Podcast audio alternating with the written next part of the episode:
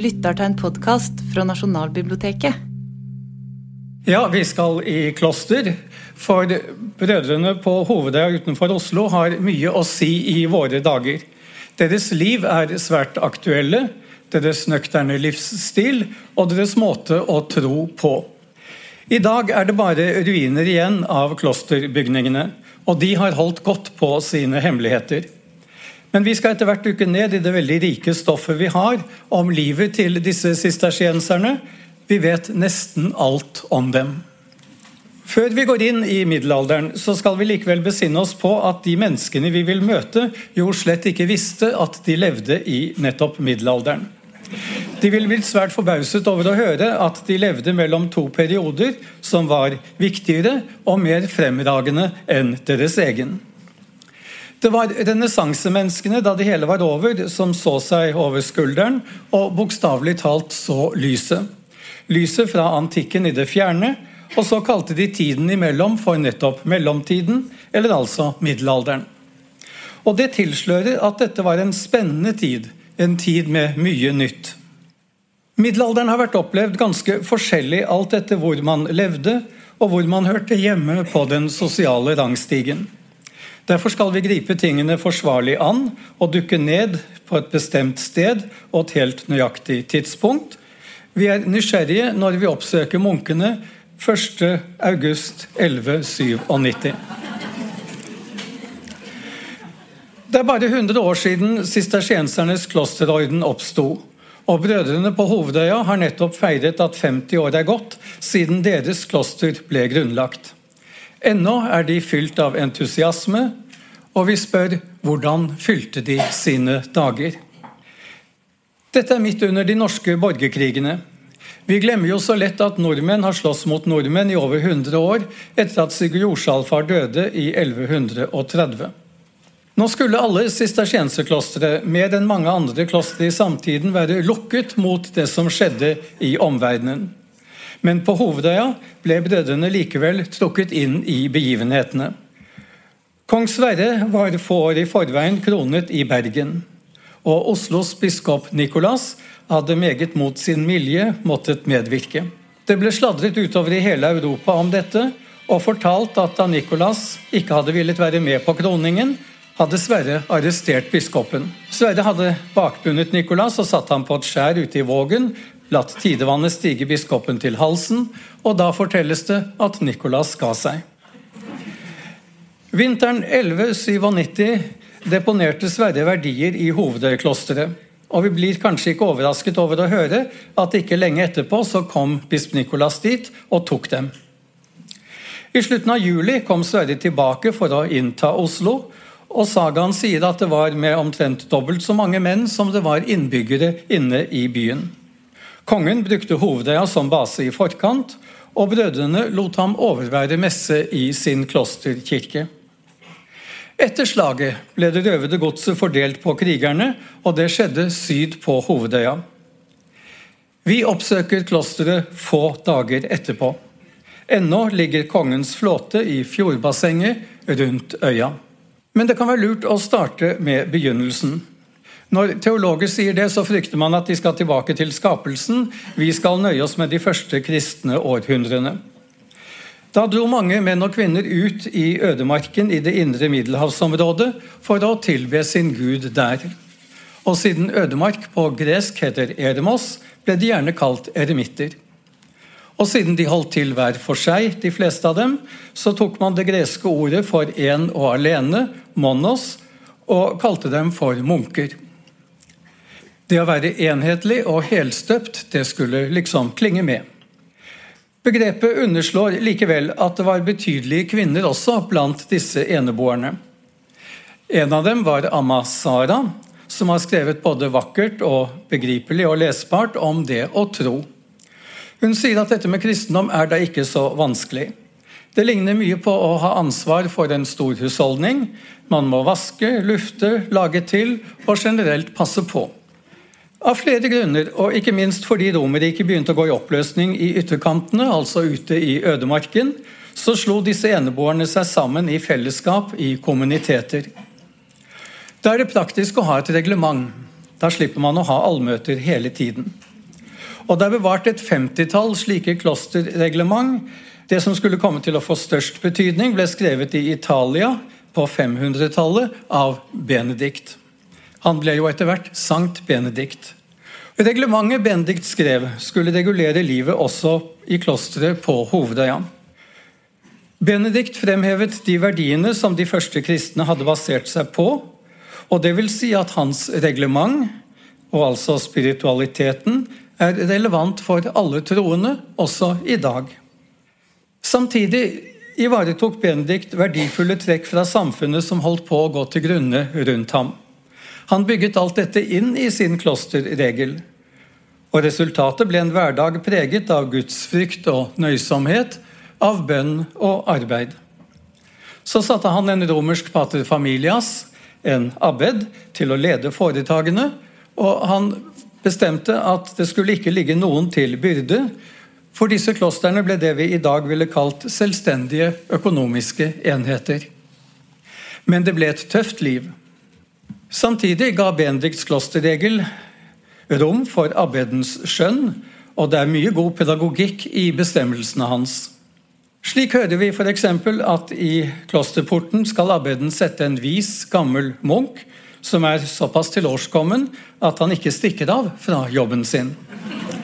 Det kan jo vi gjøre oss lystige av, men det viser hvordan Benedikt la vekt på at man går i kloster med svært forskjellige forutsetninger, og ledelsen skal ikke pålegge noen for mye og ikke lede noen ut i fristelse.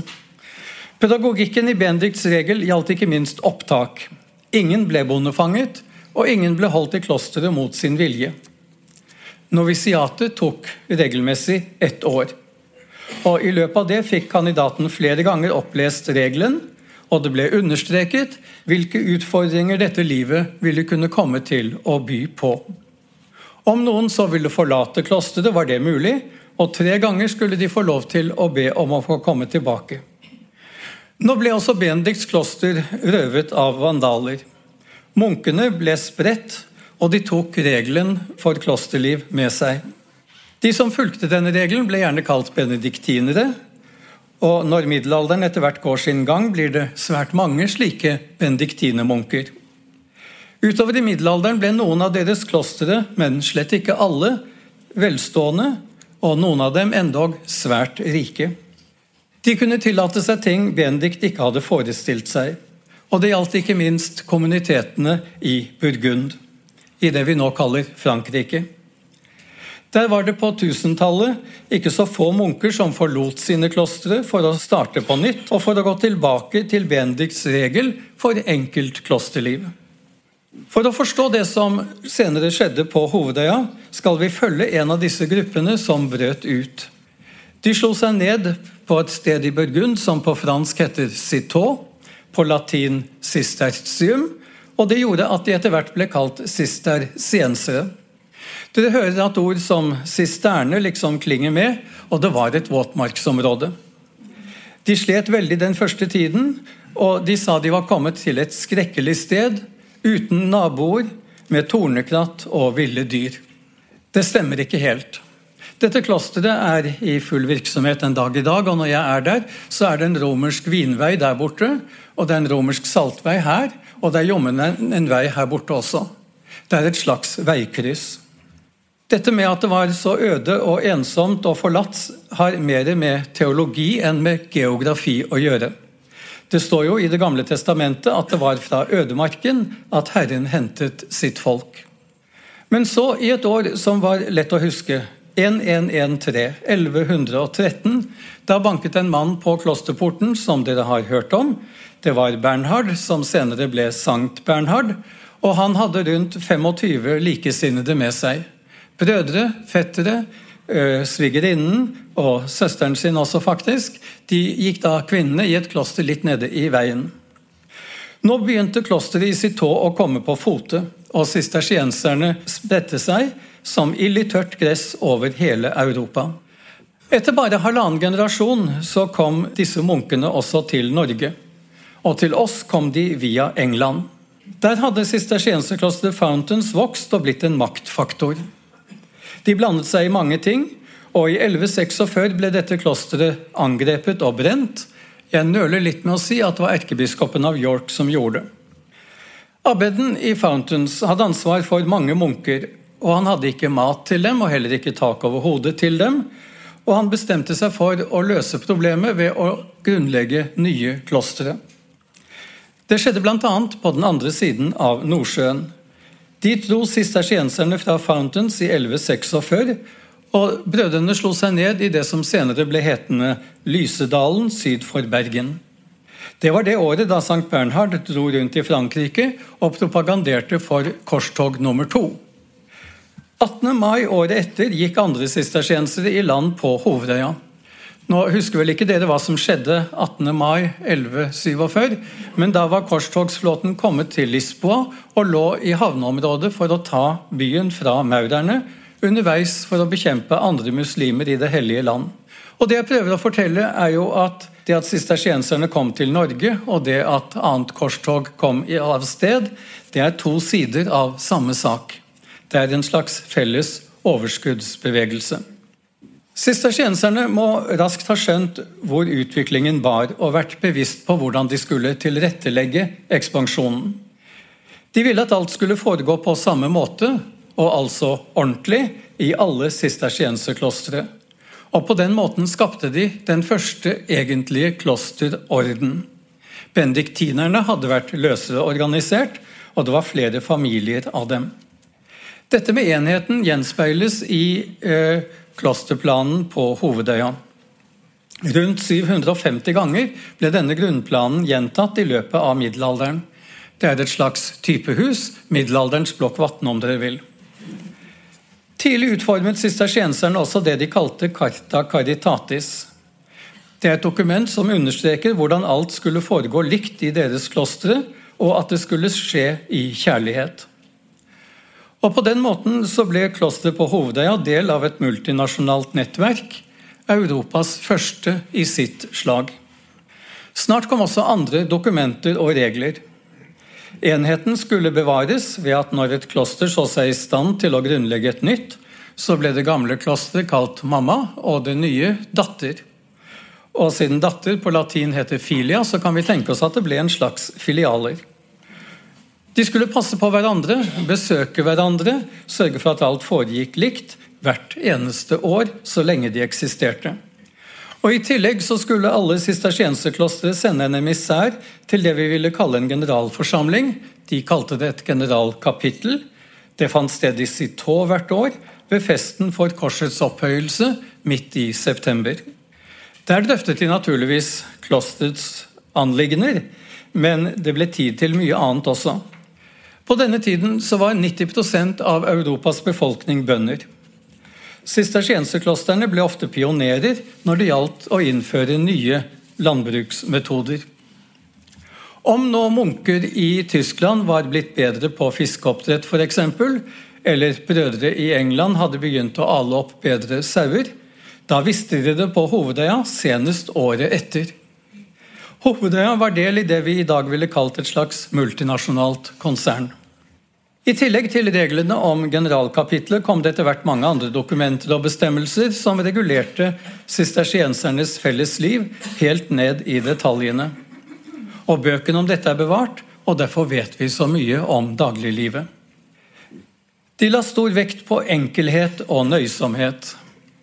Og denne enkelheten og nøysomheten gjenspeiler seg på mange måter i spiritualiteten og ikke minst i kirkebyggene, som ikke skulle ha noen utsmykning. Vinduene skulle f.eks. være fylt med grått glass, det som på fransk heter grisaille, og disse vinduene fikk bare geometriske mønstre. Det er sagt at disse sistersienserne med vekt på enkelhet ga avkall på alt, unntatt det å skrive vakkert.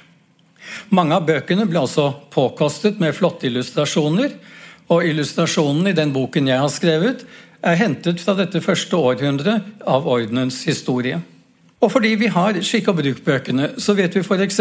hva klosterbrødrene sang 1.8 i nattens vigilie. Og vi vet hva man skulle gjøre om en prest begynte å blø neseblod under en messe. I tillegg er det altså skrevet utallige artikler og bøker om sistersiensernes klosterliv, og alt dette har jeg hatt adgang til. Jeg har vært privilegert og har fått lov å gå ut og inn i bibliotekene, f.eks. på Tautra, i det engelske Mount St. Bernard, i dagens kloster i Sitor, slik jeg sa, og ikke minst i det utrolige biblioteket til benediktinerne i Sant Anselmo i Roma. Mye er skrevet her i Nasjonalbiblioteket. Atskillig stoff har jeg funnet i samlingene her, for bibliotekets hjemmer er svært mangfoldige. I boken jeg har skrevet, gjør alt dette materialet at vi kan fotfølge brødrene time for time gjennom døgnet. Vi gjør det fra de står opp sånn bortimot klokken to om natten, til de legger seg ved åttetiden om kvelden.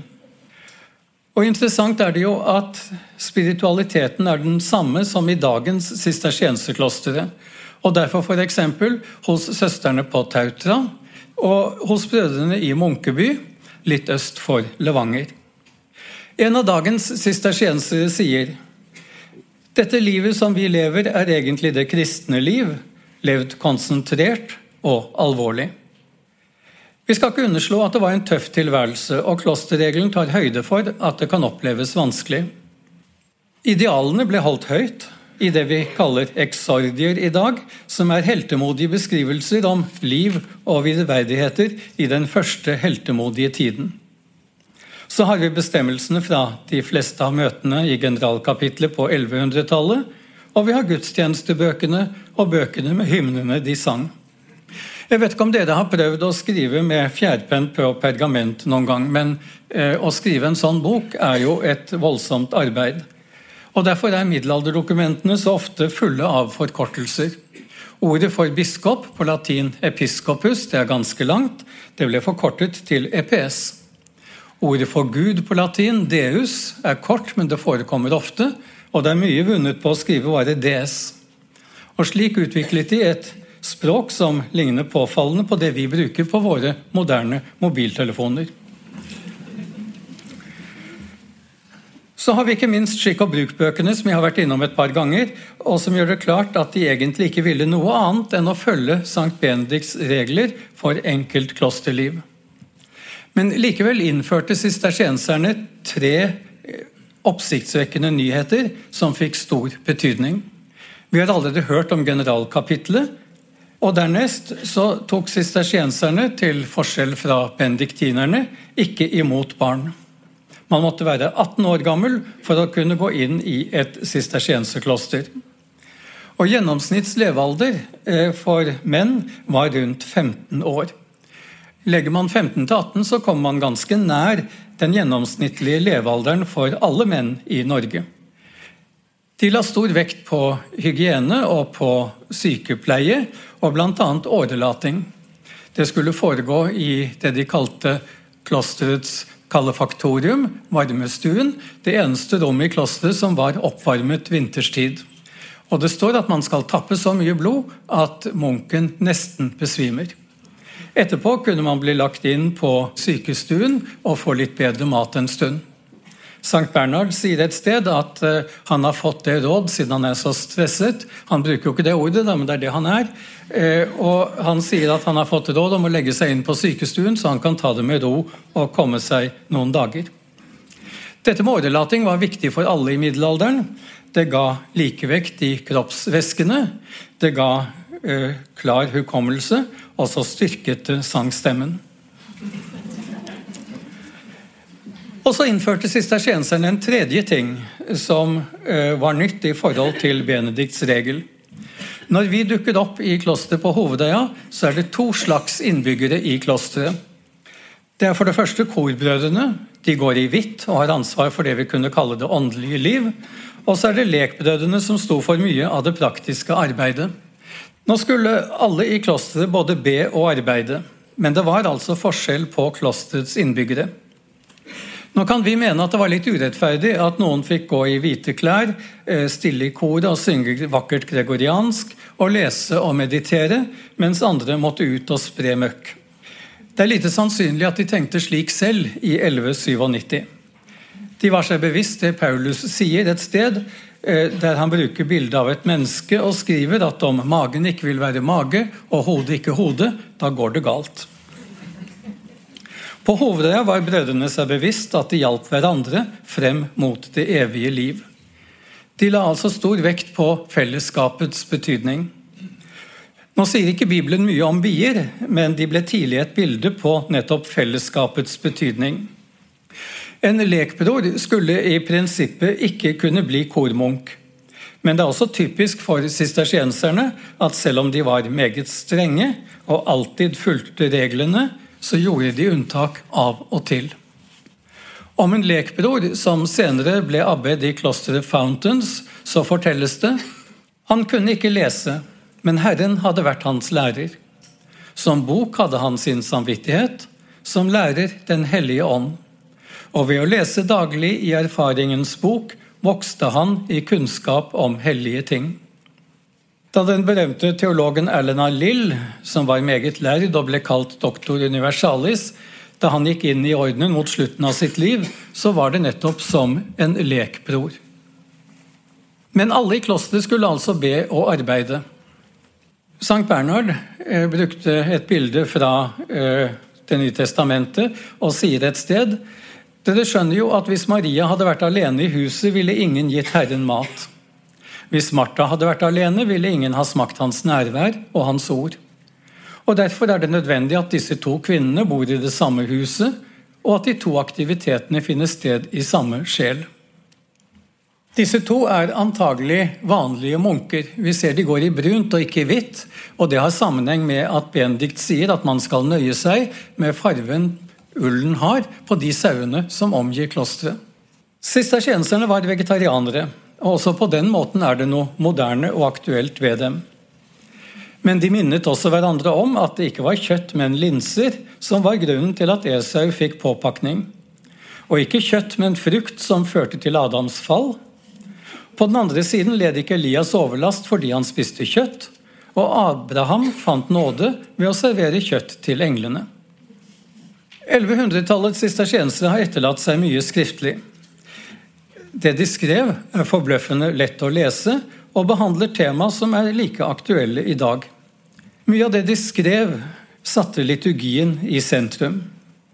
Bendikt sier at når signalet lyder, så skal alle slippe det de har i hendene, og komme så fort de kan, for man må ikke la noe komme foran gudstjenesten. Gudstjenestefeiring var ikke en aktivitet blant andre, men med moderne ord det kristne livs kilde og toppunkt. Ryggraden i klosterlivet var tidebønnene, fra den første midt på natten. I sovesalen hadde hver munk sin seng, og det var svært uvanlig den gangen. Inne i Oslo så sov det flere i hver seng. Klosterregelen sa også at unge og gamle skulle sove om hverandre, sånn at det ikke ble noe baluba om natten. I stillhet tar de så på seg sin kutte og nattskoene, og så går de to og to ned nattrappen til kirken. To og to, siden Kristus jo sendte apostlene ut i verden to og to. Brødrene var seg bevisst at de var, som de selv sa, de gode voktere, de som ivrig tilbringer natten i bønn. Og i dagens løp så fulgte det syv andre tidebønner. Dette tallet er ikke tilfeldig. Alle dannede mennesker visste jo at jorden var rund. Sankt Bernhard skal ha sagt at i prinsippet kan man gå rundt jorden som en flue kan gå rundt et eple. Men likevel mente middelaldermenneskene at det var fire himmelretninger, og jordens tall ble altså fire. Gud er trefoldig siden hans tall er tre. Tre og fire er syv. Og da ble det et symbolsk tall som liksom binder himmel og jord sammen. Tallet for helhet og fylde. Og det er derfor mange antagelig har en syvarmet adventsstake hjemme. Én pluss syv er åtte, som den dag i dag er tallet for uendelighet og ny begynnelse. Man faller lett inn i dette mønsteret med tidebønner i et kloster. Etter nattens tidebønn er det laudes ved soloppgang, og så følger de kortere tidebønnene med rundt tre timers mellomrom, med de latinske navnene regnet fra soloppgang, prim, ters, sext og non. Ved solnedgang så synges vesper, og den siste av dagens bønner var kompletoriet, som gjorde gudstjenestesyklusen komplett. Da sang de bl.a.: Du skal ikke frykte for redsler om natten, for piler som flyr om dagen. Den som sitter i skjul hos den høyeste og finner nattely i skyggen av den veldige, han sier til Herren, du er min tilflukt og min borg. De sang på latin med gregorianske melodier som var nøye tilpasset hverandre. Og det må ha vært en utfordring for novisene å lære det alt sammen. Vi vet ikke hvor lang tid det tok på Hovedøya, men på katedralskolen inne i byen så brukte peblingene rundt to år på å mestre de 150 davidssalmene utenat på latin. Brødrene hadde andre virkemidler. Først det som ble kalt Guidos hånd. På innsiden av den så kan man skrive når det blir flo og fjære neste år, påske og mange andre nyttige ting, men man kunne også få hjelp til å synge gregoriansk. Man kan kikke på innsiden av hånden og holde et øye med kantoren som står litt lenger bort samtidig. Tidebønner er jo særlig resitasjon av bibeltekster til gregorianske melodier, og ikke nødvendigvis bønner som begjæringer. Men det ble bedt mye i klosteret. Brødrene visste at det er like mange former for bønn som det er sjelstilstander. Og de var klar over farene ved å forveksle det emosjonelle og det spirituelle. En sistersienser som het Guillaume, foregrep det som mange skulle si senere, når han sa at bønn det er ikke først og fremst å anmode om ting. Han sa bønn er et forelsket menneskes tilknytning til Gud. En slags familiær og kjærlig samtale, der den opplyste ånd forholder seg rolig for å nyte Gud så lenge det blir forunt. Vi er heldige som kommer til Hovedøya i august. Etter festen for korsets opphøyelse midt i september så serveres det utover høsten og vinteren bare ett ordentlig varmt måltid hver dag frem til påske, når nå påsken måtte være. Bendikt sier i klosterregelen at om noen trenger mer mat, så bør man nok ikke gå i kloster. Men samtidig så er det jo sånn da at man eh, praktiserer reglene veldig strengt og gjør aldri unntak, unntatt av og til. Og når jeg er i et sånt kloster, så er det alltid noen som stikker til meg litt å spise og drikke tidlig på morgenen, så jeg skal liksom holde ut og henge med. Også i dag følger sistersienserne Benedikts klosterregel nøye. Måltidene foregår i taushet, og sånn som i dag, så leses det høyt under måltidene for at tankene ikke liksom skal komme på avveier. Det kan leses svært forskjellige ting. Før dagens brødre dro til Munkeby eh, innenfor Levanger, så var jeg der nede i klosteret noen uker for å lære dem litt norsk. Og ved bordet leste de da en ganske tøff bok om unionsoppløsningen i 1905, for den mente abbeden at brødrene hadde godt av å vite litt om. For ikke så lenge siden så var jeg i et kloster i Versailles. Der leste de en veldig morsom bok som på fransk heter 'Dieu dans le métro', på norsk 'Gud tar T-banen'. Eh, vi lo hjertelig, for det er få steder man ler så godt som i et kontemplativt kloster.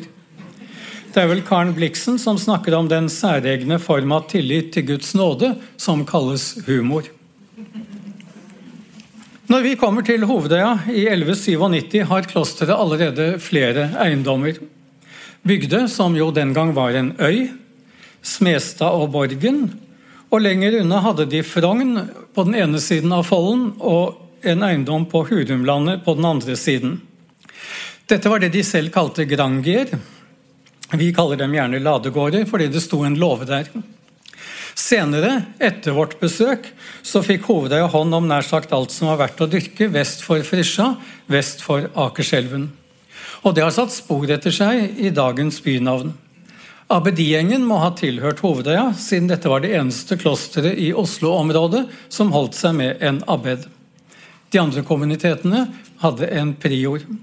Fra Radiumhospitalet til guideleiren så går det et dalføre der jeg lekte hvor jeg var liten, eh, og vi kalte det Merradalen, som ikke har noe med hester å gjøre, men som er Maries dal, fordi denne dalen tilhørte Hovedøya, og Hovedøya var viet Guds mor.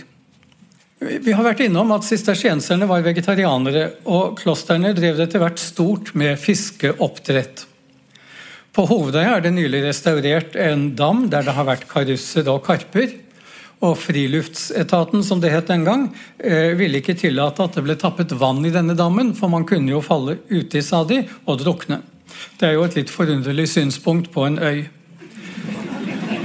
Men Hovedøya hadde også oppdrettsanlegg på fastlandet, og dere vet hvor det var, nemlig i Munkedamsveien. Det har vi ikke middelalderpapir på, men vi har et papir fra like etter reformasjonen som forteller om akkurat dette. Problemet med opplysninger om eiendomsforhold i middelalderdokumenter er at vi så gjerne skulle visst mer enn de forteller. Dette dokumentet er det eldste som er bevart på gammelnorsk, og for det forteller om en grensetvist på Asper gård i Krokstad. og Dokumentet er skrevet mellom 1207 og 1217, og Det kan altså dreie seg om enda en eiendom som Hovedøya hadde når vi kommer dit i 1197. Hovedøyas arkiv var veldig omfattende. Det har dreid seg om kanskje 800 dokumenter alt i alt. Og det ville fortalt mye om disse eiendommene. Men arkivet forsvant i en brann, og nå har vi bare en fortegnelse med ytterst knappe opplysninger om dokumentene. I de tilfellene der vi unntaksvis har hele middelalderdokumentet, så sier de ikke mer enn at på et bestemt tidspunkt fikk eller hadde f.eks. Hovedøya da, en part i en eiendom som det skjedde et eller annet med. Vi får slett ikke alltid vite hvor stor eiendomsparten var, eller hvor mange andre parter det kanskje var, eller hvor lenge f.eks. klosteret hadde hatt hånd om eiendommen, eller hvordan det så etter hvert gikk med den. Og Derfor er det veldig ofte ikke grunnlag for å si uten forbehold at en eiendom tilhørte hovedeia i middelalderen. Men kirkelige instanser gir jo ikke lett avkall på noe. De forvaltet det de hadde med stor ekspertise, og det ble ikke delt opp ved skifte og arv. Så er det jo sånn da at Ikke minst i protestantisk sammenheng så har det vært gjort mye ut av hvor rike klostrene ble, og hvordan dette har bidratt til reformasjonen. Jeg vet ikke noe særlig om Hovedøyas finanser, men jeg har undersøkt finansene til Lysekloster utenfor Bergen, litt ut på 1300-tallet. Når alle hadde fått mat, fått klær, når reparasjoner var foretatt og nødtrengende gitt det de skulle ha, da var det ikke mer igjen enn at det kunne få plass på én kjøl. Og De norske sistersienserklostrene hadde fått dispensasjon og kunne selge overskuddet på markeder i England. Da var det naturligvis spennende om skipet kom velberget tilbake, og det skjedde slett ikke alltid. En gang ble båten bare borte. En gang konfiskerte den engelske kongen den, han var redd for at den skulle falle i franske hender. Og en gang boret sjørøvere skuten og gjorde kort prosess både med abbeden og med de andre om bord. Ikke minst sett med lutherske øyne er sistersienserne relevante. Og Vi kan knytte to slike tema til eh, Sankt Bernhard, som jo ikke grunnla denne ordenen, men som snart ble en toneangivende teolog i den. Da Martin Luther gikk i kloster, så ville han jo bli en mønstermunk. Men han fikk det ikke til, og det gjorde ham svært deprimert. Da fikk han det rådet av en annen munk i klosteret at han burde lese Sankt Bernhard. Og i en vakker preken om Maria sier Bernhard Først og fremst bør vi ikke tro at vi kan motta tilgivelse for våre synder uten ved Guds nåde. Og vi kan heller ikke på grunnlag av våre gjerninger gjøre oss fortjent til evig liv, om ikke Gud gir oss også dette som en fri gave. Luthers nære medarbeider og venn Melanchthon eh, forteller at alt dette trøstet og hjalp Luther godt. Og Slike tanker skulle jo senere prege den lutherske delen av reformasjonen. Så har vi allerede hørt at eh, Hovedøya, som alle sistersienserklostre, ble viet Guds mor Maria. Sankt Bernhard bidro vesentlig til venerasjonen av henne, og til at den økte fra høymiddelalderen av. Sankt Bernhard sa når dere følger Maria, blir dere ikke fortvilet. Når dere tenker på henne, går dere ikke vill. Når hun holder dere, faller dere ikke. Takket være henne når dere frem. Det er jo store ord, men det var Bernhard som også satte ord på det som er katolsk lære. Vi går ved Maria til Kristus. Sistersienserne fostret mange store teologer på 1100-tallet, og de hadde felles trekk. Et av dem gjaldt det vi i dag ville kalle forholdet mellom tro og viten. De var slett ikke mot bruk av fornuften, men mente at på troens område har fornuften klare begrensninger. De sa at mennesket ligner nok mest på sin skaper når det anvender sin fornuft, men den skal brukes til å tenke om Kristus, og ikke slik som skolastikerne på 1100-tallet var begynt å gjøre, ved å la fornuften utfordre troen. Det var en sistersienser som het Guillaume, som skrev det er ikke fornuften som leder troen til å forstå. Det er heller slik at gjennom troen ser den etter forståelse. Og dette er ikke den slags forståelse som kommer gjennom bruk av fornuften. Og Samtidig var de overbevist om at paradokset har en stor betydning i troslivet. Og de gjenfant paradoksenes meningsfylte innhold både i Skriften og hos kirkefedrene. Og de mente at de to halvdelene i et paradoks hører uløselig sammen i en harmonisk balanse, altså som de to sentrene i en ellipse. De stolte på apostelen som sier at tro er en trygg foregripelse av en sannhet som enn så lenge ikke er åpenbart. Det viktigste for dem var å innprente Guds bilde. Poenget var å ville heller enn å spørre, oppleve heller enn å vite. Og Slik overførte de det grunnleggende prinsippet om enkelhet også på det åndelige liv. For også i det åndelige liv er poenget å eliminere det overflødige og erstatte det med kjærligheten til Gud. Det var et taust kloster. Det skulle ikke snakkes om annet enn det høyst nødvendige. I det daglige klarte de seg godt med tegnspråk, og noen av dem har kunnet opp mot 350 forskjellige tegn. Men når de leste, så leste de høyt for seg selv, for de var overbevist om at da husket de bedre. Det var faste tider for lesning hver dag, og siden vi følger dem 1. august, som var en helligdag, så var det mer lesning enn det pleide å være. Bøkene hentet de i armariet, i våpenhuset, der de hadde sine åndelige våpen. Lese kunne de gjøre mange steder i klosteret, men munkene skulle ikke sitte i et hjørne der det er lett å lene seg inn i kroken, og de skulle trekke hetten godt til side på drakten. De har sånne omfattende drakter. Og På den måten kunne de som var beordret til å gå rundt, sjekke om de virkelig leste, eller bare satt og småsov. Husk at de hadde vært oppe siden klokken ja, litt før to om natten. Målet var ikke å lese hurtig eller mye. Og iblant kunne de konsentrere seg om bare ett ord, eller én tanke, eller én linje om gangen. Guillaume sa slik skal man hver dag velge en munnfull i den daglige lesningen og den skal man betro til magen. En setning som man fordøyer bedre, og som man gjentar i munnen og gjør til gjenstand for hyppig gomling. En tanke som er i samsvar med vår måte å leve på, som er i stand til å bevare oppmerksomheten, fengsle ånden og gjøre den uimottagelig for fremmede tanker. Guillaume bruker samme ord som beskriver hvordan kuer drøvtygger det de gulper opp. Og Han viser til Salme 45, som på norsk i dag riktignok sier 'mitt hjerte strømmer over av gode ord', men middelalderens vulgata sier 'gomle'.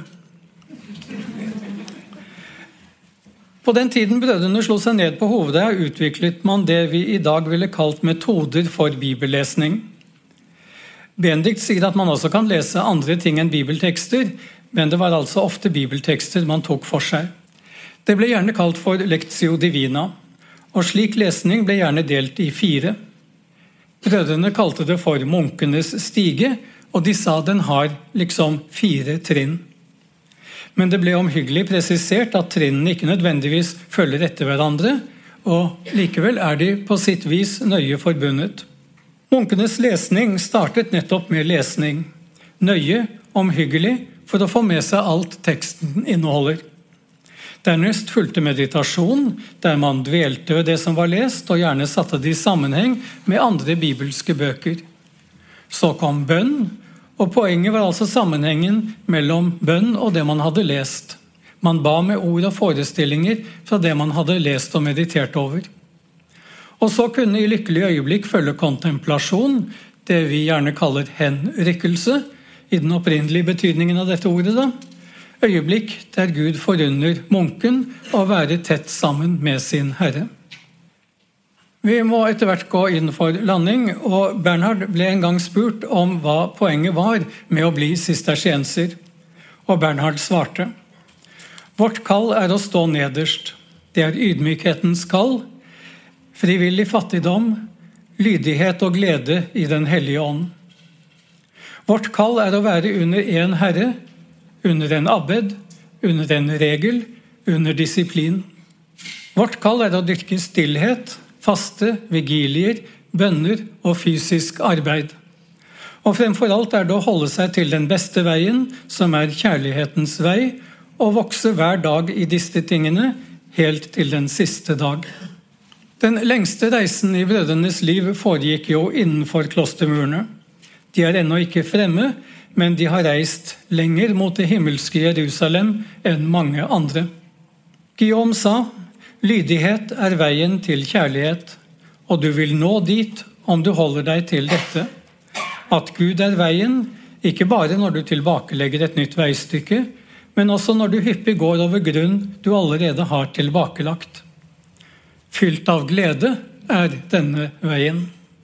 Om en pilegrim på vei til Det hellige land ble det en gang fortalt at han stanset i Bernhards kloster i Clairvaux. Man skrev til mannens foresatte om hvordan han har funnet en snarvei, og som de sa, raskt kommet dit han ville. Han står med føttene i Jerusalems forgård. Slik levde altså sistersienserne på Hovedøya 1.8 i det herrens år 1197. I årene og århundrene som fulgte, skjedde det mye som faller utenfor rammen nå. Går vi helt til reformasjonen, så er det jo ikke alle som vet at reformasjonsbegivenheten i Norge foregikk annerledes enn i alle andre land. Det har ikke vært mulig å finne noen nordmann, en vi kjenner navnet på, og som altså er født i Norge, som ville bli luthersk i forkant. Alle ville ha reformer, men det skulle altså skje på den katolske kirkes premisser. Landet ble jo likevel luthersk, men da var Hovedøya allerede ute av bildet. Alle klostrene i Danmark-Norge ble stengt, og senere skulle den danske filosofen Søren Kirkegård beklage dette når han sa man slukket klostervesenets fyrtårn, og nå snubler vi omkring i fullstendig mørke og vet ikke hvor vi er, og alle verslige ting har blomstret som aldri før. Vi skal avslutte med Sigrid Undset, som jo har skrevet innlevende om middelaldermenneskene, ikke minst om det i bøkene om Kristin Lavransdatter og Olav Audunsen. Vi skal likevel gå til den første boken hun skrev om middelalderen, den om kong Arthur og ridderne av Det runde bord. Der avslutter Sigrid Undset med et sitat som mange nordmenn husker en del av, og hun sier Sed og skikk forandres meget. Alt som tidene lider, og menneskenes tro forandres, og de tenker annerledes om mange ting. Men menneskenes hjerter forandres aldeles intet i alle dager. Poenget er at vi så langt på vei kan identifisere oss med Kristin og Olav og middelaldermenneskene. Vi kjenner oss igjen, vi kan tiltrekkes av deres måte å tro på, for menneskenes hjerter har ikke forandret seg. Men Sigrid Undsets andre poeng er at vi tenker annerledes om mange ting. Jeg er ikke i tvil om at vi har mye å lære av middelaldermunkenes liv og tanke og tro. Takk for at du hørte på.